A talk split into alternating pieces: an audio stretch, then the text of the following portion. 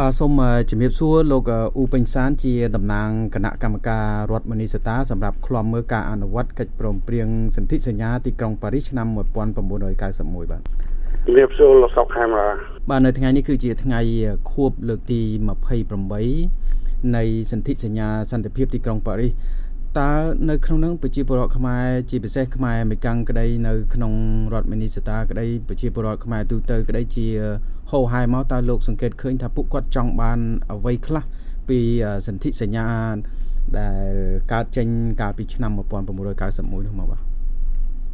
ជាទូទៅគេបានយល់នៅស្មារតីនៃសន្ធិសញ្ញាគ្រប់ជ្រុងជ្រោយ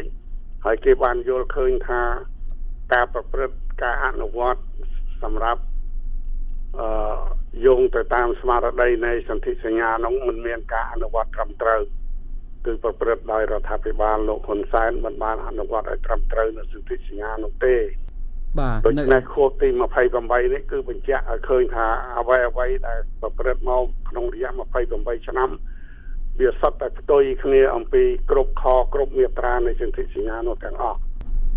បាទលោកមានប្រសាសន៍អំពីការអនុវត្តមិនត្រឹមត្រូវទៅលើបញ្ហាអ្វីខ្លះដែលលោកអាចរៀបរាប់ឲ្យឃើញហើយនឹងឆ្លុះបញ្ចាំងឲ្យបានលំអិតបន្តិចអំពីរឿងនេះបាទគឺការអនុវត្តមិនត្រឹមត្រូវនៅក្នុងវិស័យការពារបរណភាពដែនដីខ្មែរវិស័យការរំលោភលើសិទ្ធិមនុស្សនិងលទ្ធិប្រជាធិបតេយ្យនៅក្នុងវិស័យអឺ មិនគោរពអធិបតេយ្យភាពជាតិរបស់ខ្មែរដែលមានចែងគ្រប់ជ្រុងជ្រោយនៅក្នុងសន្ធិសញ្ញាក្រុងប៉ារីដូចជាថ្មីថ្មីនេះជាដើមថ្មីថ្មីនេះរដ្ឋាភិបាលក្រុងភ្នំពេញបានចុះហត្ថលេខាជាមួយភាគីវៀតណាមក្នុងការបោះបង្គោលព្រំដែនទៅតាមផែនទីដែលប្រើដោយវៀតណាម ជាឯកតោភាគីជាមួយនឹងរដ្ឋាភិបាលរបស់របស់ខ្លួនតាមពិត ផែនទីត្រឹមត្រូវតាមច្បាប់មានតាំងពីចំនួនតារាងមកគឺនៅឆ្នាំ1870 1873 1914 1935 1942អឺផែនទីនោះគឺគ្រប់គ្រងទៅលើប្រវែង100 1137គីឡូម៉ែត្រហើយមាន124បង្គោលដែលប្រើគ្រប់ចំនួនតាំងពីចំនួននោះរហូតមកដល់អឺ សម័យសង្គ្រាមសូម្បីតែភាគីវៀតណាមចំនួនមុនក៏បានទទួលស្គាល់ដែរប្រាប់តែឥឡូវមករើរុះយោងទៅតាមសន្ធិសញ្ញាខុសច្បាប់អឺតាំងពីឆ្នាំ1979 1982 1985ហើយនឹងសន្ធិសញ្ញាបន្ថែមដែលគេហៅថាសន្ធិសញ្ញាបន្ថែមឆ្នាំ2005នោះគឺវាផ្ទុយអំពីអឺខ ចែងនៅក្នុងសន្ធិសញ្ញាក្រុងប៉ារីសឆ្នាំ91ទាំងអស់នេះគឺជាការរំលោភដ៏ធ្ងន់ធ្ងរទៅលើអធិបតេយ្យភាពទៅលើបរណភាពដែនដី និងទៅលើសិទ្ធិការពារឯករាជ្យជាតិរបស់ខ្មែររបស់ប្រជាពលរដ្ឋខ្មែរបាទហើយលោកហ៊ុនសែនខ្លួនឯងក៏មានមុខនីតិការពារទៅតាមរដ្ឋធម្មនុញ្ញដែលចែងឲ្យដែរប៉ុន្តែលោកអត់បានការពារ បាទលោកឧបិញសានតើមើលទៅលោកចង់ឃើញអ្វីដែលកើតឡើងទៀតពីប្រទេសហត្ថលេខីនៅមកដល់នឹងពេលនេះឬក៏ទៅមុខទៀតបើសិនជាដូចជាការរៀបរាប់ដែលថាមានការរំលោភទៅលើសន្ធិសញ្ញាទីក្រុងប៉ារីសយ៉ាងដូចនេះបាទយើងទទូចឲ្យប្រទេសដែលចុះហត្ថលេខាទៅលើសន្ធិសញ្ញានឹងចំនួន19ប្រទេសគឺ ជួយជ្រោមជ្រែងយ៉ាងណាឲ្យមានការគោរពសន្ធិសញ្ញានោះឲ្យបានត្រឹមត្រូវពីថ្ងៃនេះ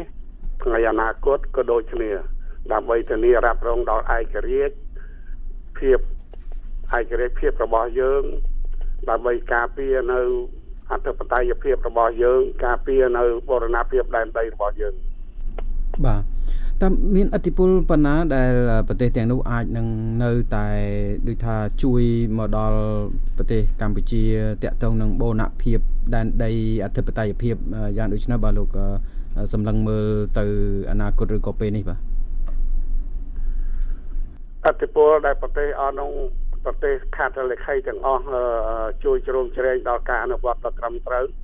គឺជាអតិពលដែលនាំឲ្យមានឯករាជ្យពិតប្រាកដរស់ឡើងវិញសម្រាប់ប្រជាពលរដ្ឋខ្មែរអតិពលដើម្បីជំរុញឲ្យមានសន្តិភាពជាស្ថាពរនៅក្នុងប្រទេសកម្ពុជាក៏ដូចជារក្សាស្ថិរភាពសន្តិសុខនៅតាមតំបន់ក្នុងតំបន់អាស៊ីអាគ្នេយ៍ទាំងមូលដែរបាទលោកអ៊ុពិងសាន់នៅទីបញ្ចប់នេះតើលោកមានពាក្យពេចន៍អ្វីជាចុងក្រោយសូមអញ្ជើញ ខ្ញុំមានសក្តីសប្បាយរីករាយដែលឃើញថាប្រជាពលរដ្ឋខ្មែរនៅគ្រប់ទិសទីនៅក្នុងពិភពលោកទាំងក្នុងប្រទេសកម្ពុជាទាំងក្រៅប្រទេសកម្ពុជារួមជាមួយសហគមន៍អន្តរជាតិទាំងរដ្ឋាភិបាលនៃប្រទេសនានាទាំងអង្គការក្រៅរដ្ឋាភិបាលនៃប្រទេសនានាហាក់ដូចជាមានការយកចិត្តទុកដាក់ទៅលើការប្រព្រឹត្តមិនមិនត្រឹមត្រូវទៅលើ សន្ធិសញ្ញារបស់រដ្ឋាភិបាលប្រព្រឹត្តដោយរដ្ឋាភិបាលក្រុងភ្នំពេញការដែលគេយកចិត្តទុកដាក់គ្រប់ជ្រុងជ្រោយយ៉ាងនេះគឺជាការលើកទឹកចិត្តដល់យើងសម្រាប់ទៀមទាឲ្យតលតែបាននៅការអឺប្រព្រឹត្ត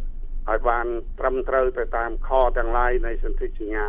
បាទសូមអរគុណច្រើនលោកអ៊ូពេញសានដែលជាតំណាងគណៈកម្មការរដ្ឋមនីសតាសម្រាប់ឃ្លាំមើលការអនុវត្តកិច្ចព្រមព្រៀងសន្ធិសញ្ញាទីក្រុងប៉ារីសឆ្នាំ1991បាទឲ្យពេលវេលាខ្លីសូមអរគុណសូមជម្រាបលាលោកតែប៉ុណ្ណេះបាទអរគុណជម្រាបលាលោកសុកខេមរា